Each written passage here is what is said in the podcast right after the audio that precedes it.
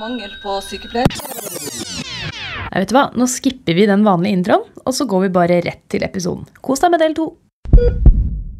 Ja, men Daniel, Ja. denne erfaringen på um, korona intermediær fikk den deg til å kanskje få lyst til å ta en liten videreutdanning?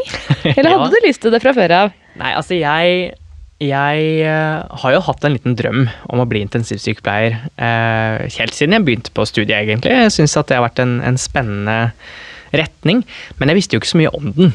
Eh, man, man, det tror jeg gjelder ganske mange sykepleiere, at man, jeg tror nok ikke man visste så veldig mye om intensivverden, med mindre man jobba der, eller man hadde nær eh, tilhørighet til en Hva er egentlig intensivsykepleie?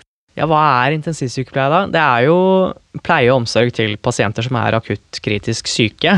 Ehm, Det er eh, ganske så avansert eh, behandling. Det er Eh, intensivt, kan man si. Ja, det er intensivt. men men det, det, det krever jo eh, ganske mye, da. Det er jo, du er jo veldig dårlig når du får intensivbehandling. intensiv. Og, og det, det setter noen krav til den som står da ved senga der. Eh, Jeg fikk jo en, en liten smakebit på det da jeg var på intermediæravdelingen. Det er jo da hakket under. Ja, For det er vel en mellomting mellom sengepost og intensiv. Da har man Ja. intermediær. Ja, da er du for dårlig til å ligge på sengepost, og, eh, og da trenger du kontinuerlig overvåkning. Eh, og det har man jo også da selvfølgelig på intensivavdelinger også. Mm. Men på intensivavdelinger så har du mulighet, mulighet til litt mer, da. For da Altså- tar man over pasientens kroppsfunksjoner, på en måte. Man får hjelp til å puste. For sånn På intermediær da puster man jo selv, men man får hjelp i form av trykk. ikke sant? Men Mm. Ja. intensiv, da kan man rett og slett få en respirator som da puster for deg. Ja, da Så får du det det som heter er- invasiv eh, ventilatorbehandling, da. Eh, hvor man tar litt over for lungene. Eh, men det kan vi også gjøre med, med sirkulasjonen. Eh, Mange får jo pressorbehandling, altså man får medikamenter for å øke eh, middelarterietrykket. Det er da eh, et slags blodtrykk som man må få for å kunne gi ja, For at de vitale organene skal ha god nok perfusjon, da, få god nok sirkulasjon for å kunne fungere optimalt. Ja, for Man hører jo mye om folk som har blodtrykk-senkende medisiner, men så er det Mm. noen som må rett og slett ha medisiner for å få blodtrykket opp, for å få nok blod og oksygen til Ja, vitale til, eh, organer i hjernen. Ja. Og, og når, når du blir lagt på respirator f.eks., så får du medisiner som har en bivirkning som gjør at man eh, at eh, ja, blodårene i kroppen dilaterer, at du, og da faller du automatisk i, i blodtrykk. Så for å, å sørge for at du, du har, eh, at du har um, god nok sirkulasjon, så de andre vitale organene kan opprettholde sin funksjon, da, så, så trenger du medisiner for det. Og det kan du få på intensivavdelinger. Eh, det er jo dialyse for å eh, ja, nyreerstattende eh, behandling. For å klare å tisse, for å si det på godt norsk. ja, eh, Ja. ja. og eh, det er jo eh, ja, flere andre avanserte invasive overvåkninger, da. Eh, Trykk i hjernen, for eksempel. Ja, veldig mye forskjellig. Sikkert mye arteriekraner og mye Ja, forskjellige alle- typer katetere inni kroppen. Ja, de aller fleste pasientene har jo arteriekateter da, for å kunne Mm. eh, ja, både ta blod, eh, blodprøver, men også selvfølgelig for å overvåke eh, blodtrykket. Da. Mm. Eh, Jeg fikk jo en liten smakebit på det her på eh, covid-intermediæravdelingen, og ble jo veldig inspirert av det her. Så det ga jo en, en kickstart da, på, på det ønsket om å kunne begynne på intensivutdanninga. Så jeg søkte, og kom jo da heldigvis etter hvert inn. Ja, Var du på venteliste først? Ja, ja. Du var på venteliste, Jeg var tenkte jeg. Stjerna. ja. Nei, altså jeg hadde ikke det beste karakterkortet. Eh, Det vil si, jeg hadde jo greie nok karakterer, det er ikke det. Eh, Men, men eh, jeg sto på venteliste. Nå har nok pandemien gjort at flere ønska seg på denne utdanninga ja, mens jeg også ville. så det var jo mange søkere. Men så jeg havna på venteliste. Eh, og så eh, Så Så når jeg havna der, da, så var jeg jo litt sånn jeg, jeg trodde jo ikke at jeg skulle komme inn. Så jeg hadde jo søkt andre utdanninger også. Jeg søkte jo master i smittevern og infeksjonssykepleie. Det var i Bergen. Samlingsbasert studie der, på deltid. Eh, og eh, ja, hadde jo tak, takka jo ja til det studiet. Eh, hadde også fått fikk jo jobbtilbud på medisinsk intensiv etter at jeg hadde vært på intermediæravdelinga for covid. Det var en 80 %-stilling, så jeg tenkte jo egentlig altså Planen min opprinnelig var jo å, å ta da, smittevernutdanningen og jobbe 80% på intensiv samtidig. Um, men heldigvis så kom jeg jo da inn på, på ja, Lovisenberg diakonale høgskole på deltid på, på intensiv der. Og fikk jo da også utdanningsstilling på OUS.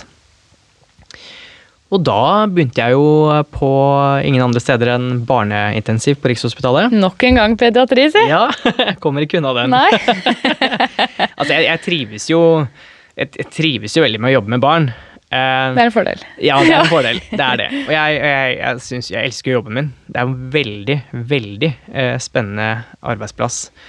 Og uh, der får jeg virkelig utvikla meg. Og nå som jeg har utdanningsstilling, så går jo ikke jeg aleine inne på barneintensiv der. Det, det er ikke jeg kvalifisert til ennå.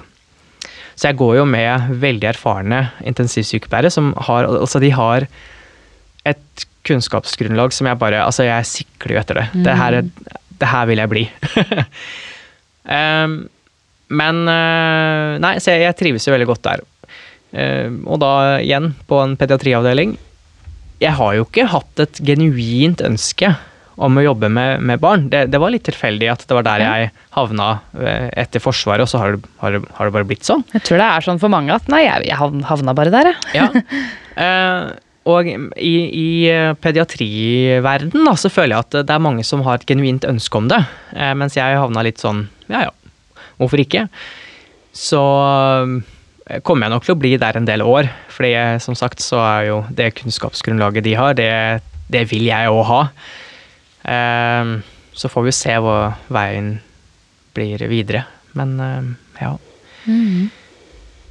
Hvordan er dette intensivstudiet, da? Hvordan er det bygd opp? Hvor mye er på en måte eh, teori og forelesninger og oppgaveskrivning? Hvor mye er praksis?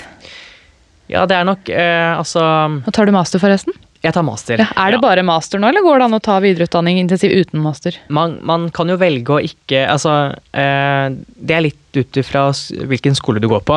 Eh, Lovisenberg legger opp til at du skal ta masterløpet. Eh, på Oslo Met så har det i hvert fall vært sånn, jeg vet ikke om det blir sånn videre, men det har i hvert fall vært sånn at du kan ta videreutdanning, og så kan du ta master. Eh, Er det 120 studiepoeng, master?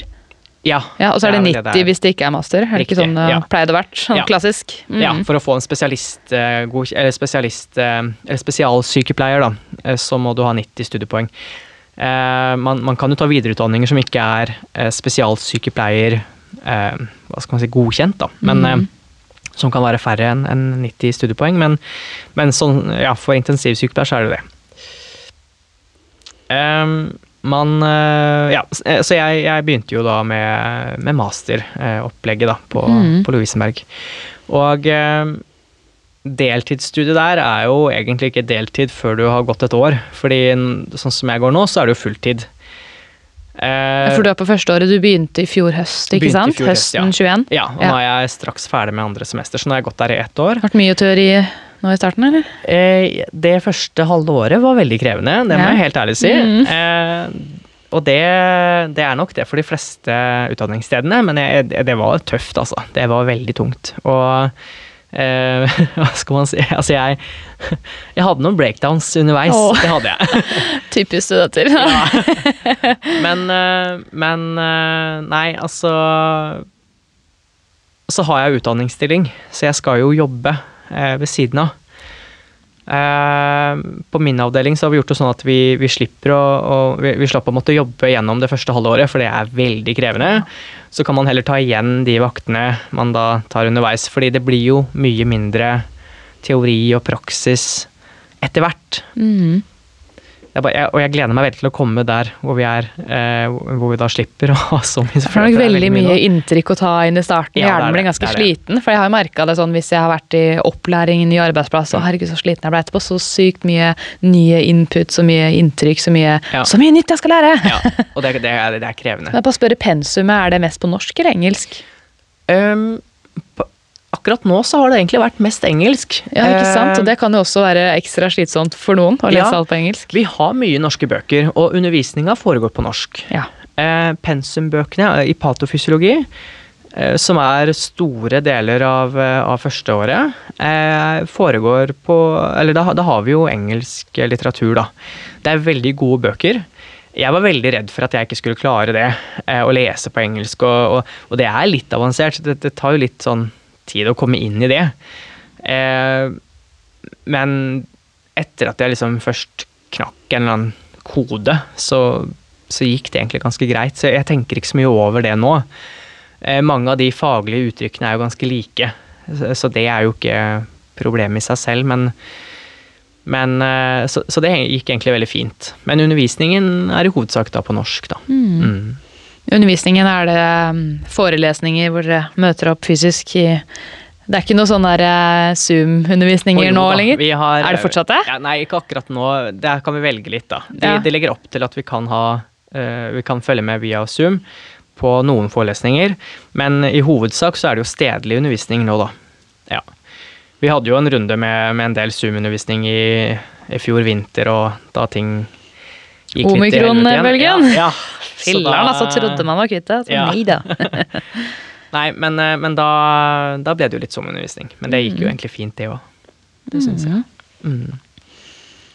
Er det noe sånn eh, at man lærer om liksom lungene først, og så hjertet, eller går man på liksom cellenivå først, går man kroppsdel for kroppsdel, sykdom for sykdom? Åssen mm. er det der? Jeg blir så nysgjerrig. Ja. Eh, patofysiologien som vi har hatt nå Er det sykdomslære? Ja, Ja. det er da sykdomslære. Mm. Da, det er det jo litt eh, Det er jo litt sånn eh, Hva heter det? da? Eh, oppsummering fra bacheloren. Altså Ja. jeg tar en lite sammendrag fra anatomi og fysiologi der først, bare for å ha liksom alt det basale på plass. Mm. Men så, så begynner vi jo ganske raskt, egentlig ganske umiddelbart, å gå skikkelig i dybden på forskjellige eh, tilstander eh, i de vitale organene. Eh, veldig mye forskjellige svikttilstander. og ja, det er jo egentlig veldig generelt, men ganske spesielt likevel. Altså, de, det er jo veldig avansert. Um, men det er jo veldig, veldig spennende, da. Så jeg føler jo at jeg har hengt med, selv om jeg på en måte Det har vært mye å lese og mye å, å sette seg inn i, så har jeg jo liksom klart det. Lærer dere mye om liksom sepsis og sjokk og DIC? Ja da. Husker du hva DICK står for? Ja. Des... Dissemisert des Klarer aldri å lære. koagulasjons... Ja, eh, samme det. Dissemisert intravaskulær eh, koagulasjonssvikt? Eller Ja. noe sånt noe? Ja, koagul- ja, koaguleringsgreier. Det, Det er svikt i koagulasjonssystemet. Altså, skal det være propper eller blødning. ah, Det er noe sånt. prestasjonsangst. Nei, det er kjempefarlig i hvert fall. Ja, det, det er dritfarlig. Fikk ikke folk til AstraZeneca-vaksinen? Eh, De fikk blodpropper og blødning. Det var en slags lignende tilstand som flere Ja. fikk, ja. Det stemmer det. Mm. Noen, noen fikk det. kom noen på intensiven av det etter AstraZeneca? Mm, ja, det det. Oi, oi, oi. Det, det er bra vi slutta med den. Selv om altså, det var jo ganske få som fikk det. Mm. Men at noen får det, er ille nok. Ja, Ja. det var det.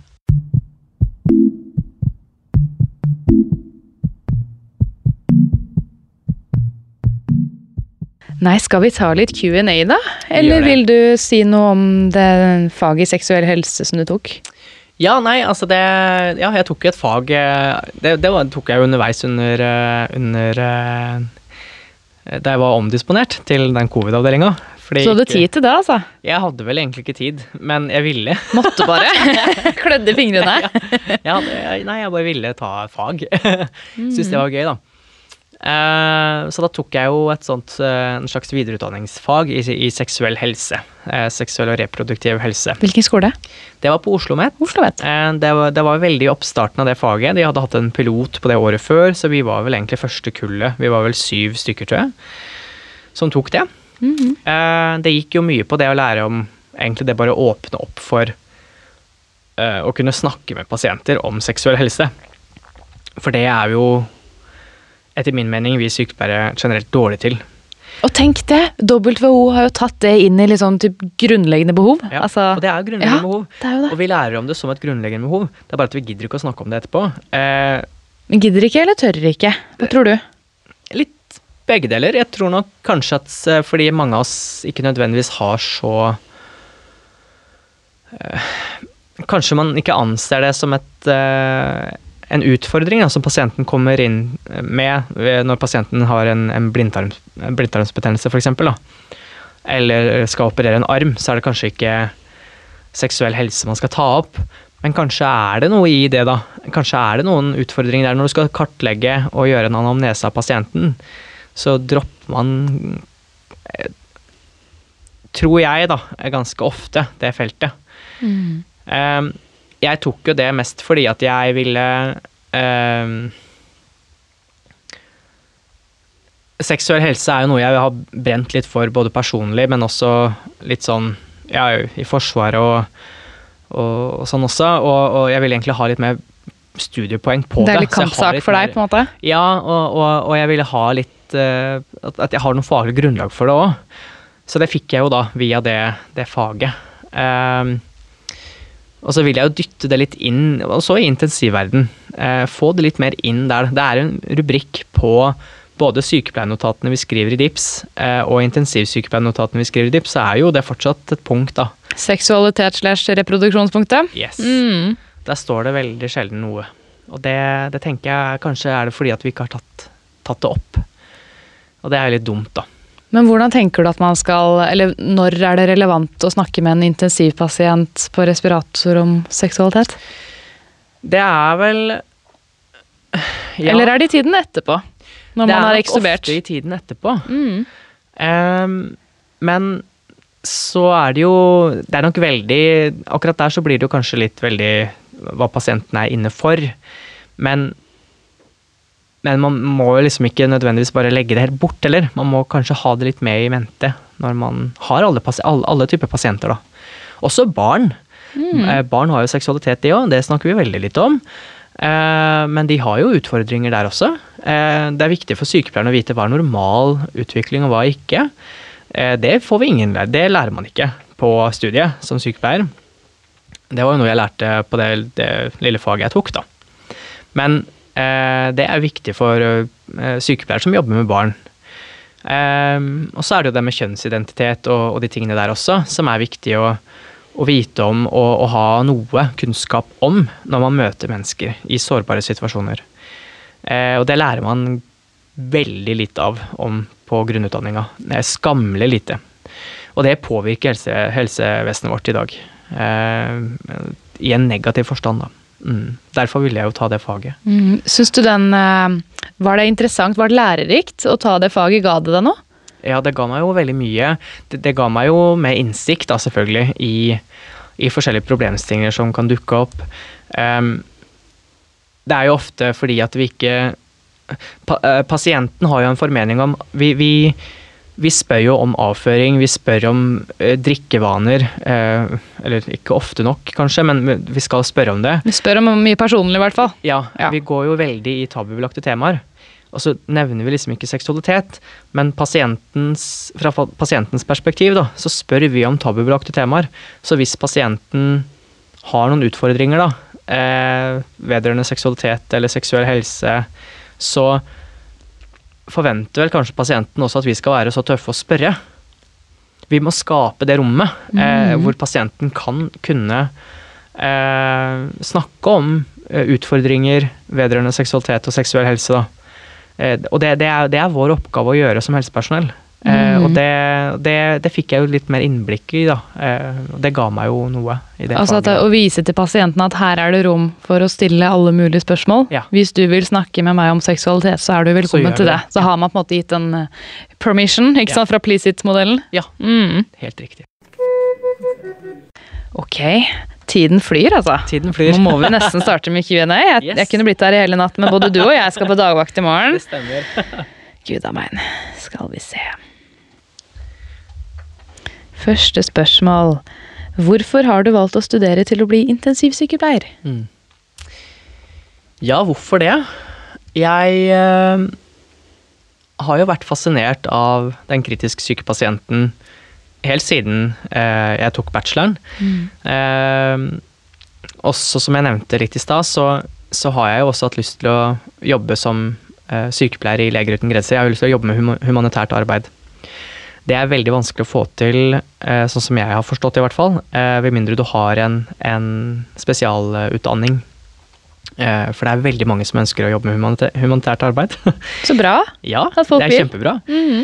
Eh, Så for at jeg skal bli kvalifisert til det, da, så ville jeg jo ta en, en spesialutdanning. Og da, da landa det på intensiv, da, i og med at jeg også var fascinert av den type behandling av pasienter. Så er det nøkkel inn til det du egentlig vil. Lege med uten grenser. Ja, det er det. Sykepleier uten grenser, det kan hete det òg. Det kan hete Ja, ikke bare leger der. Ok, neste spørsmål. Trives du blant damene på jobb, og savner du flere menn i sykepleien? Savner alltid mye menn, sier. Ikke sant? Nei, eh, ja, jeg trives kjempegodt eh, på jobb eh, blant eh, damene der. Eh, nå er vi jo heldige å ha mange menn på barneintensiv på Rikshospitalet. Eh, mange er nok litt, ja, det var nok litt hardt å ta i, men vi har, vi har noen menn. Det var en periode hvor jeg jobbet på barnesengepostene på Ullevål, hvor jeg var eneste mannen. Ja, for det skjer innimellom. Det skjer på avdelinger i sykepleien. Og det er krevende. Uh, det er uh, Og det, det er litt vanskelig å sette fingeren liksom på hva, hva er det som er vanskelig med det. Men, men det er Det gjør noe med arbeidsmiljøet, da. Eh, jeg vet ikke hva Hva er det med kjønnet som gjør, liksom, gjør det. Mm. Men, men, men jeg legger jo merke til at jeg trives jo når det er en, en Litt mangfold, dynamikk. liksom? Ja, eller når, når Det går vel mer på at, eh, at arbeidsgruppa er dynamisk. At det er forskjellige mennesker som er der. Eh, at det ikke er en veldig homogen gruppe. Det gjør at, at du får et godt arbeidsmiljø, og det er, det er ja, dynamikk, da. Mm. Og jeg liker dynamiske miljøer. At forskjellige mennesker liksom kan hva skal jeg si, utfolde hverandre litt? ja, Ja. ja, at man er forskjellig. Mm. Og kanskje er det vel noe der kjønn har noe å si, da. Jeg vet ikke. Mm. Ja, for i disse moderne dager så ville man tro at kjønn har ingenting å si, men vi er jo litt forskjellige, da. Ja, men, ja og det, det kan man jo ta begge hver. da. Jeg mener jo at, jeg mener jo at vi har flere kjønn nå, for eksempel. Men, men, eh, men nettopp det er jo kvaliteten ved det. At, det er en, at man er forskjellig. Så man skal sette Eh, pris på ulikhetene. ja, og det, det, det gjelder jo også da i arbeidsgruppa. Eh, Så gjerne flere menn inn i, i arbeidsgruppa. Eh, Og jeg, men jeg trives veldig godt eh, blant damene òg, det, det er ikke noe problem. det er, nei. Så bra. Mm. Skal vi se. Følte du deg noen gang utrygg på jobb?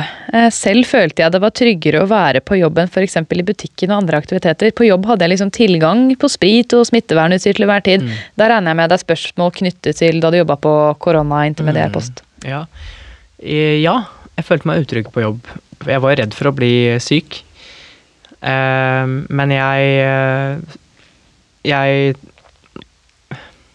Jeg la litt den frykten til side og sto litt mer i det Jeg, jeg lot ikke frykten ta noe overhånd der. Eh, det gjorde jeg ikke. Jeg, jeg, men jeg tenkte jo på det. Det gjorde jeg. Men, men utrygg Nei, det, nei, jeg var vel kanskje ikke utrygg. Jeg var, jeg var vel litt redd, men ikke Det var trygt å være på jobb. Det, Det var ikke sånn at liksom, frykten for smitte tok over uh, hverdagsgleden? Nei, det var, Nei. det var mer i starten. Ja. Men ikke, ikke utover. Nei. Nei. Så bra. Vi ble jo veldig gode på smittevern. Det vil jeg tro. Eh, altså, alle ble jo det, men, men vi hadde jo ekstremt fokus på Hadde det. dere buddy check? Ja, ja, ja. Det hadde Ja. vi. Vi, vi sjekka jo eh, Vi blei jo sjekka i, eh, i eh, om vi hadde kledd på oss riktig, og vi hadde jo egne påkledere eh, som sjekka. Buddy check, det gjør man jo også de som dykker. Jeg har jo Mm. tatt dykkerlappen, og da så tar man en buddy check hvor man liksom sjekker at alle har tatt på alt utstyr riktig. Det, Mm. Ja. det er viktig, altså. Og det, det gjorde vi både på den in- intermediærkohorten Jeg har jo jobba litt på intensivkohorten nå, for øvrig, med, med, med covid-syke på Rikshospitalet, da jeg begynte å jobbe der i utdanningsstillinga mi. Mm. Eh, og det var jo samme der. Vi sjekka jo hverandre. Mm. Jeg må bare spørre et spørsmål fra meg. Åssen var det å pusse i den der romdrakta? Man ble vant med det.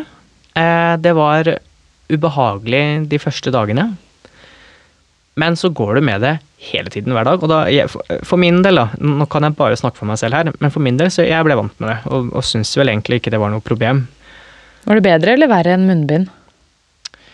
Eh, den heldekkende eh, skjermen vi hadde, den hetta, den var det bedre å puste i. Mm. vi hadde noen sånne vernemasker som kunne ligne noe før vi hadde fra Forsvaret. Det med sånn filter foran. 3M står det ofte på de. Ja, Ja. de Åndedrettsvern, ikke sant? Ja, Ja. ja. de, de vanlige hvite åndedrettsvernene var jo ok å puste i, men så hadde vi også noen sånne gummimasker som vi gikk med. Og de eh, hoppa Det er noe jeg hadde sett i Berlin.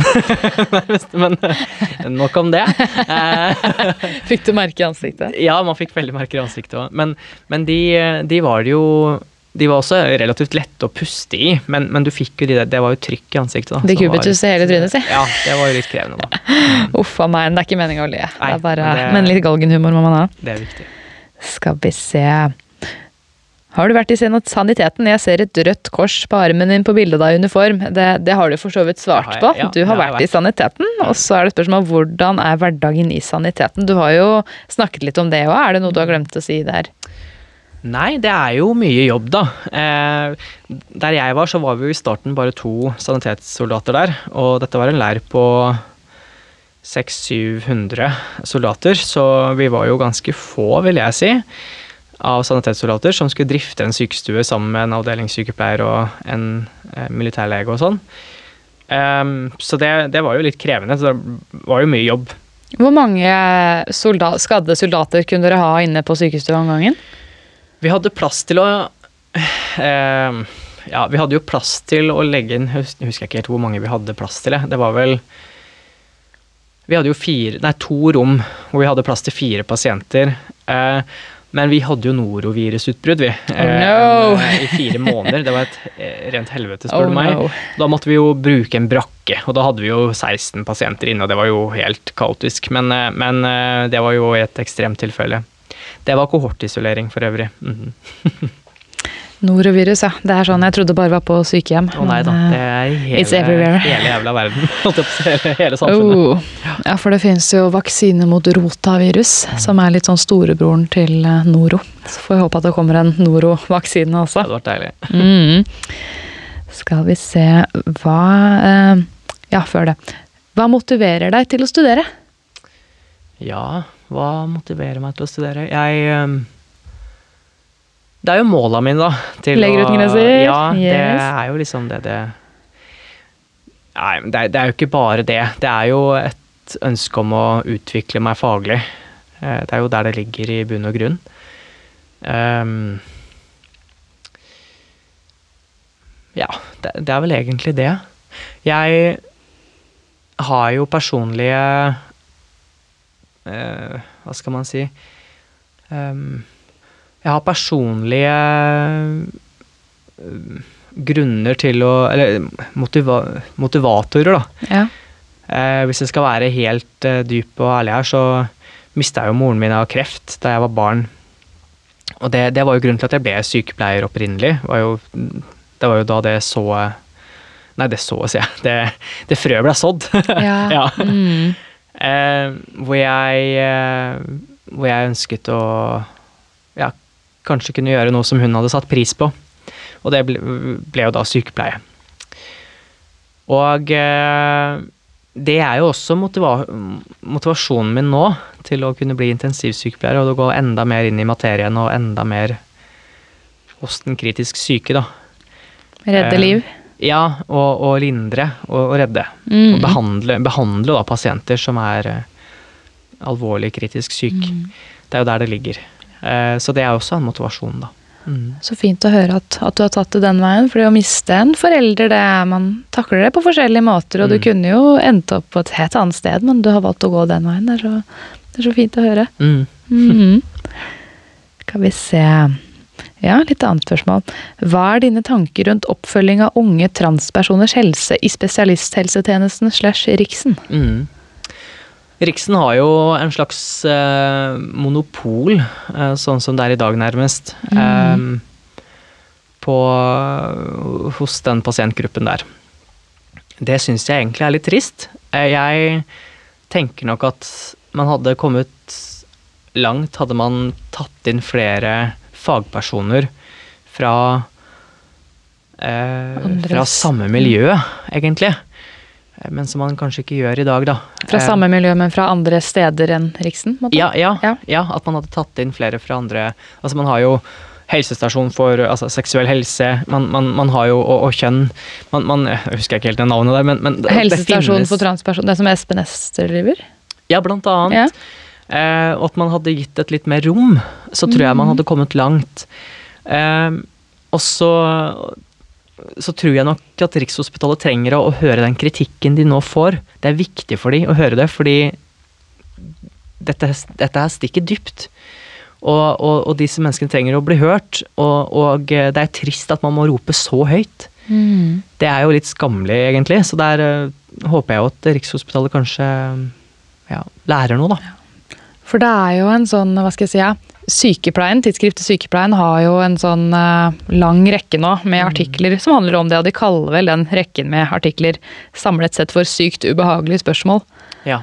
Uh, det kunne jeg snakket mye om. Ja. Hvis noen er engasjert i det, så bør man søke opp sykt ubehagelige spørsmål sykepleien, så kan man lese litt om hva slags spørsmål disse transpersonene får, da, hva man må igjennom av mye spørsmål som kanskje er unødvendig. Mm. Mhm.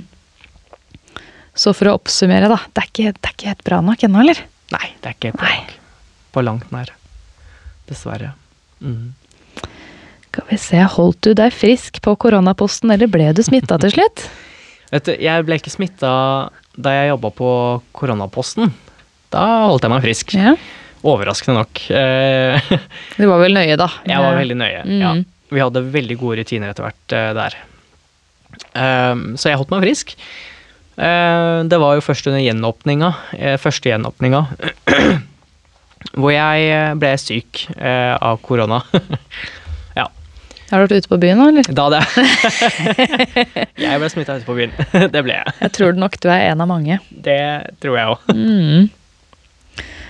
Ok, skal vi se. Hvordan reagerte pasientene på romdrakten, i anførselstegn? Mm. Og det er jo da denne smittedrakten fra topp til tå, da. Mm. Som de refererer til i det spørsmålet. Du, det var vanskelig for de å gjenkjenne oss eh, bare på utseendet. Så de hørte jo veldig etter stemmen vår, hvem vi var. Eh, Det var liksom det de kunne skille på. Det var også noen pasienter som så på skoene våre. Fordi når sykehuset mener vi skal gå med hette og eh, vernebriller for å, og heldekkende drakt for å unngå å få søl på uniform og på huden og i hår og sånne ting, så var det jo da visstnok helt greit å få søl på sko. så vi brukte jo egne eh, jobbsko på, på isolatet. Og ja, det var kritikk. Eh, men, eh, men det gjorde jo at pasientene kunne gjenkjenne oss, da. Eh, For da har man litt forskjellige farger og Ja. litt sånn identitet i sko, kanskje? Ja, og jeg, jeg pleier å skylde på at jeg er eh, sykepleier når jeg nå går med eh, knæsj fargede sokker. Det er jo selvfølgelig ikke derfor, det er fordi jeg selv syns det er fint, men da kan jeg bruke det som unnskyldning, og det la pasientene merke til, da. Når vi ellers var dekt.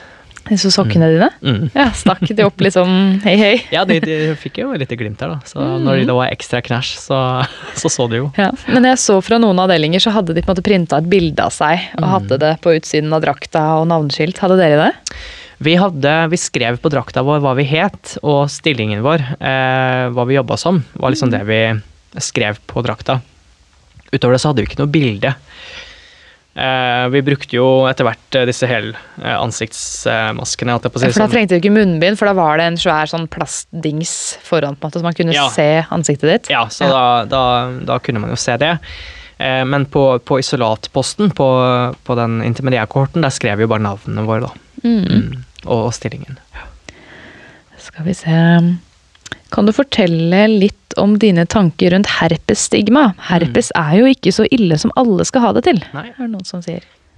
Ja, nei, altså, herpes er jo veldig vanlig, da. Jeg syns jo Der mangler det jo mye folkeopplysning, fordi eh, rundt eh, 80 av eh, Eller ja, mellom 50 til 80% av befolkningen blir jo smitta av herpes i løpet av barneåra. Dette skjer jo i barnehagen med kysse, eh, kyssesår, holdt jeg på å si. Ja, altså for det er det forkjølelsessåret. Ja, Ja. som, som dukker opp. Og det, det kommer jo med at barn deler flasker og, og spiser av samme tallerken, nei ikke tallerken, men, men bestikk. Og? Man er jo veldig nær som barn. Eh, Og da smitter det helt naturlig. Og dette er da herpes simplex. Eh, Det er jo i to virusvarianter, da. Eh, jeg Type 1 og type 2, ikke Ja, jeg tror egentlig det er flere, men, men det er liksom type 1 og type 2 som ofte gir genital herpes, da, som jeg tror man hinter til her. Det tror jeg òg. Ja. Og, og den herpes simplex 1 gir ofte munnsår, og det er ofte det man blir smitta av som barn. Man kan også få type 2, som ofte gir eh, genital herpes, men type 1 og type 2 kan, eh, kan man få genital herpes av, da. Eh, og så er det sånn at eh, ja, ca. 30% av den voksne befolkningen har jo genital herpes. Altså det er veldig mange. Bærerskap eller utbrudd?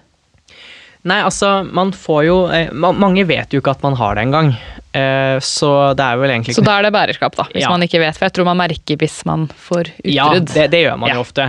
Men så får man ett utbrudd, og så har det vel ca. 40-50% som får gjentagende utbrudd. da.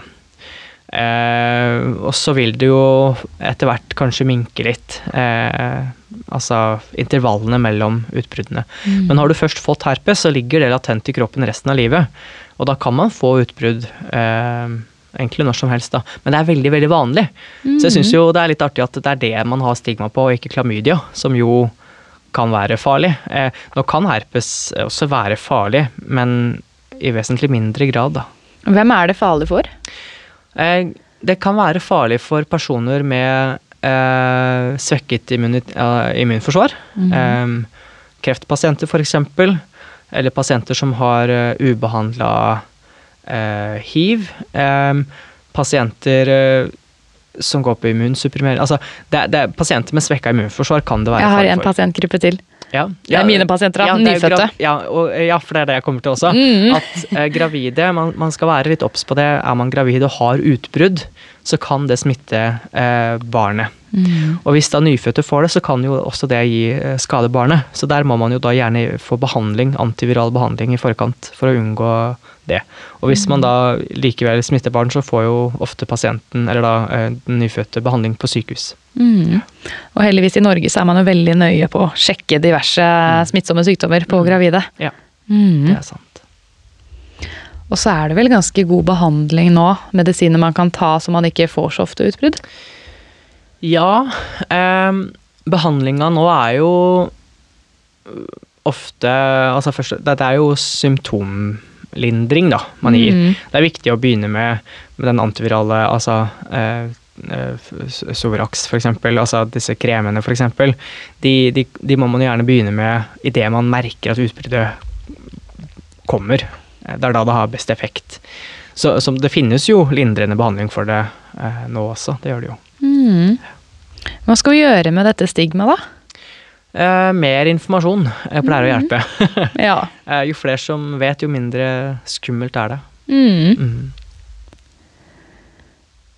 Skal vi se Har du noen eksempler på hva alvorlig koronasyke pasienter måtte gjennom under og etter sykehusinnleggelsen? Du har jo snakket litt om under, at det var mye både invasiv og non-invasiv respirasjonsbehandling. Mm. Men eh, vet du noe hva, hva skjedde når de kom hjem? Vet du om noen fikk noe varig men, eller om de måtte liksom reinnlegges? Mm. Det er mange som eh, Det er mange intensivpasienter eh, etter korona som, som har trengt oppfølging i ettertid. Det er mye rehabilitering. Lungene er jo ikke helt de samme nødvendigvis etterpå, så, så der kreves det jo mye rehabilitering. Eh, kunne trene seg selv opp igjen. Eh, men, men altså, det er jo Den behandlingen man, man får òg, den er jo ganske Blir du intensivpasient, så, så påvirker det hele kroppen. Eh, Så du, da må jo egentlig alt trenes opp igjen. Eh, Dette gjelder jo ikke bare koronapasienter, eh, men generelt intensivpasienter også. Men det er jo mange koronapasienter som har trengt oppfølging i ettertid, ja. Med, med, med kondisjon og med, med, med. Lungefysio og sånn, kanskje? Ja. ja. Ja. Eh, også nevrologiske utfordringer, som man kanskje ikke var så obs på helt i starten. Da. Mm. Hva er det? da? Er det svimmelhet og sånne ting, eller er det verre ting? Ja, det er utmattelse. Eh, det er jo eh, Ja, det er egentlig veldig mye, ja, mye forskjellig. Mm. Skal vi se. Hei, Daniel. Jeg er selv sykepleier. Hvordan ta vare på seg selv? Mm. Det er et veldig godt spørsmål. Jeg har nok ikke vært så flink til å ta vare på meg selv eh, når jeg har stått i vanskelige situasjoner, før jeg kom til koronaposten. Da sto vi i vanskelige situasjoner hele tiden. Det var veldig slitsomt, så jeg måtte jo koble av på et eller annet vis. Dette er sikkert veldig klisjéaktig, men jeg begynte jo å løpe. Og jeg hater løping. Helt til jeg begynte å få utløp for det jeg hadde i hodet, gjennom løpinga. Da begynte det liksom å Da begynte jeg å like det. Da kjente jeg at jeg fikk noe igjen for det når jeg hadde hatt en løpetur. Ikke at jeg ble tynnere eller sterkere eller fikk lengre kondisjon, men at jeg fikk mer ro i hodet. Fikk tømt, liksom. Tømt hjernen. Ja. Eh, så jeg begynte jo med det. Eh, jeg begynte jo å spise sunnere. Eh, nå, nå, nå var det jo en periode hvor alt var stengt ned, så det var ikke så veldig mye festing. Men det hjalp jo sikkert at det ikke var det. jeg, jeg, jeg tok jo mer vare på den fysiske helsa mi, da, for å også ta vare på den psykiske. Um, men så var det også det å kunne lufte ut de vanskelige tingene med kollegaer, og, og den derre debrifinga som vi hadde på avdelingen ukentlig. Eh, Det var nyttig. Ja, det hjalp jo. Og det var jo en, en form for å kunne ta vare på seg selv, da. For å kunne stå i det her. At man fikk snakka om det. Det var jo Altså Jeg holdt på å si veldig godt, men, men det var helt nødvendig. Syns du flere avdelinger bør ha debrifing? Ja, det er absolutt. Jeg skjønner ikke hvorfor eh, Jeg skjønner ikke hvorfor man bruker det så lite som det gjør. Ja, jeg føler det er veldig knytta opp til spesielle avdelinger hvor det er liksom barn som dør, eller øh, veldig sånn spesielle ting. Men altså, jeg tror det kan være lurt på hva skal jeg si, vanlige sengeposter òg, da. For Ja. det, det kan være tungt der òg. Ja, det er helt unødvendig at det må være en helt spesiell situasjon. Mm. Det, jeg tror veldig mange hadde hatt godt av det. Så tips til alle ledere der ute, gjerne implementer debrifing Mm. på arbeidsplassen. Eller hva? Og ta, og ta i bruk bedriftshelsetjenesten også. For de er der jo. Og vi bruker den så lite. Ja, vi er de som trenger de mest og bruker de minst. Mhm. Ja. Jeg tror nok kanskje ikke vi er så bevisst på det. Så har det kommet inn et siste spørsmål, og det er hvorfor trenger vi flere menn i helsetjenesten? Mm. Det er for å Det er rett og slett for å kunne speile samfunnet. Vi jobber jo for det, at vi skal på en måte reflektere befolkningen vi også møter. Og det gjør man jo med at man får inn flere menn i, i helsetjenesten, da. Det er jo det korte svaret på det. Ehm, det er egentlig Ja, jeg har vel egentlig ikke noe mer eh, Vi snakka jo litt om det i stad òg, da, med mangfold og utfylle hverandre litt. At det ikke skal Ja. bli så homogent, fordi det er bedre for arbeidsmiljøet. Ja, men Så det er også for pasienten, da, at de, de møter noe Kanskje noe kjent. Det har jeg sett veldig på barneavdelingene. At eh, Mm. disse Tenåringsguttene. ja, Vi har ha ja, noen de, likesinnede kanskje å snakke med. eh, Det er veldig viktig, men Ja. også disse her eh, fem-seksåringene som er gjerne er veldig tøffe og barske. Og, og, og, og, elsker jo verden, men er kjempesårbare. Og, har kontroll på livet. Mm. Og så blir de sjuke, og så er det jo veldig stas da når det kommer en en, en stor, stor gutt til her som skal passe på deg. De syns jo det er litt Mhm. tøft, da.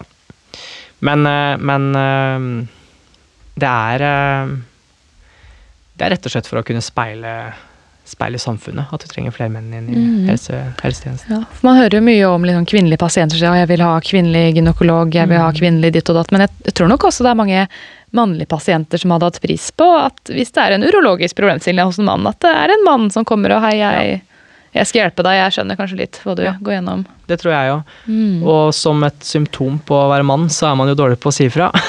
yes. Vi sliter jo ofte mest psykisk fordi vi har ikke et eh, helsetilbud som kanskje er tilpassa oss når det kommer til psykisk helse. Ehm, og eh, det, gjør, det handler vel også kanskje at vi er litt dårlige på å si ifra.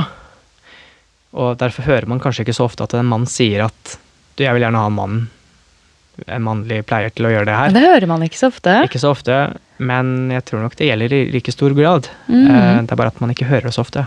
Derfor er det viktig å kunne gjenspeile det. Ja.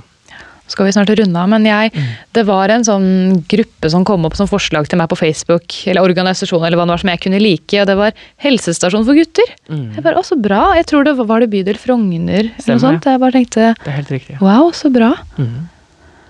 Men da Vi var vi trenger flere sånne, sånne steder. virkelig. Da er vi gjennom alle spørsmålene. Er det noe du vil legge til som vi ikke har fått snakket om? Nei, er det det? Jeg kunne jo sitte her i sikkert ti timer Hele til. natta. Eh, Jeg blir der gjerne.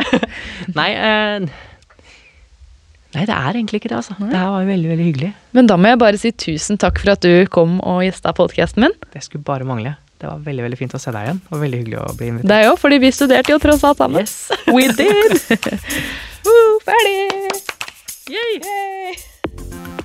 Takk for at du hørte på Hjelp, jeg er sykepleier. Hvis du likte episoden, blir jeg veldig glad hvis du vil anbefale den videre til en venn, kollega eller andre du tror kan få glede av podkasten.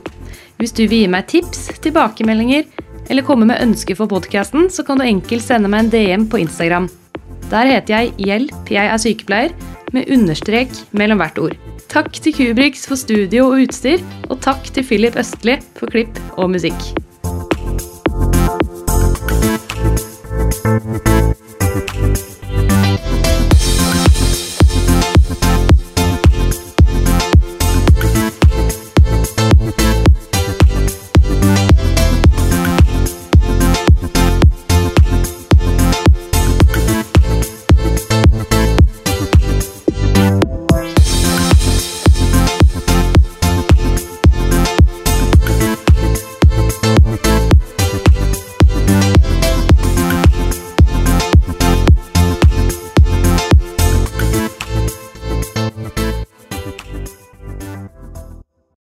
Har du et enkeltpersonforetak eller en liten bedrift?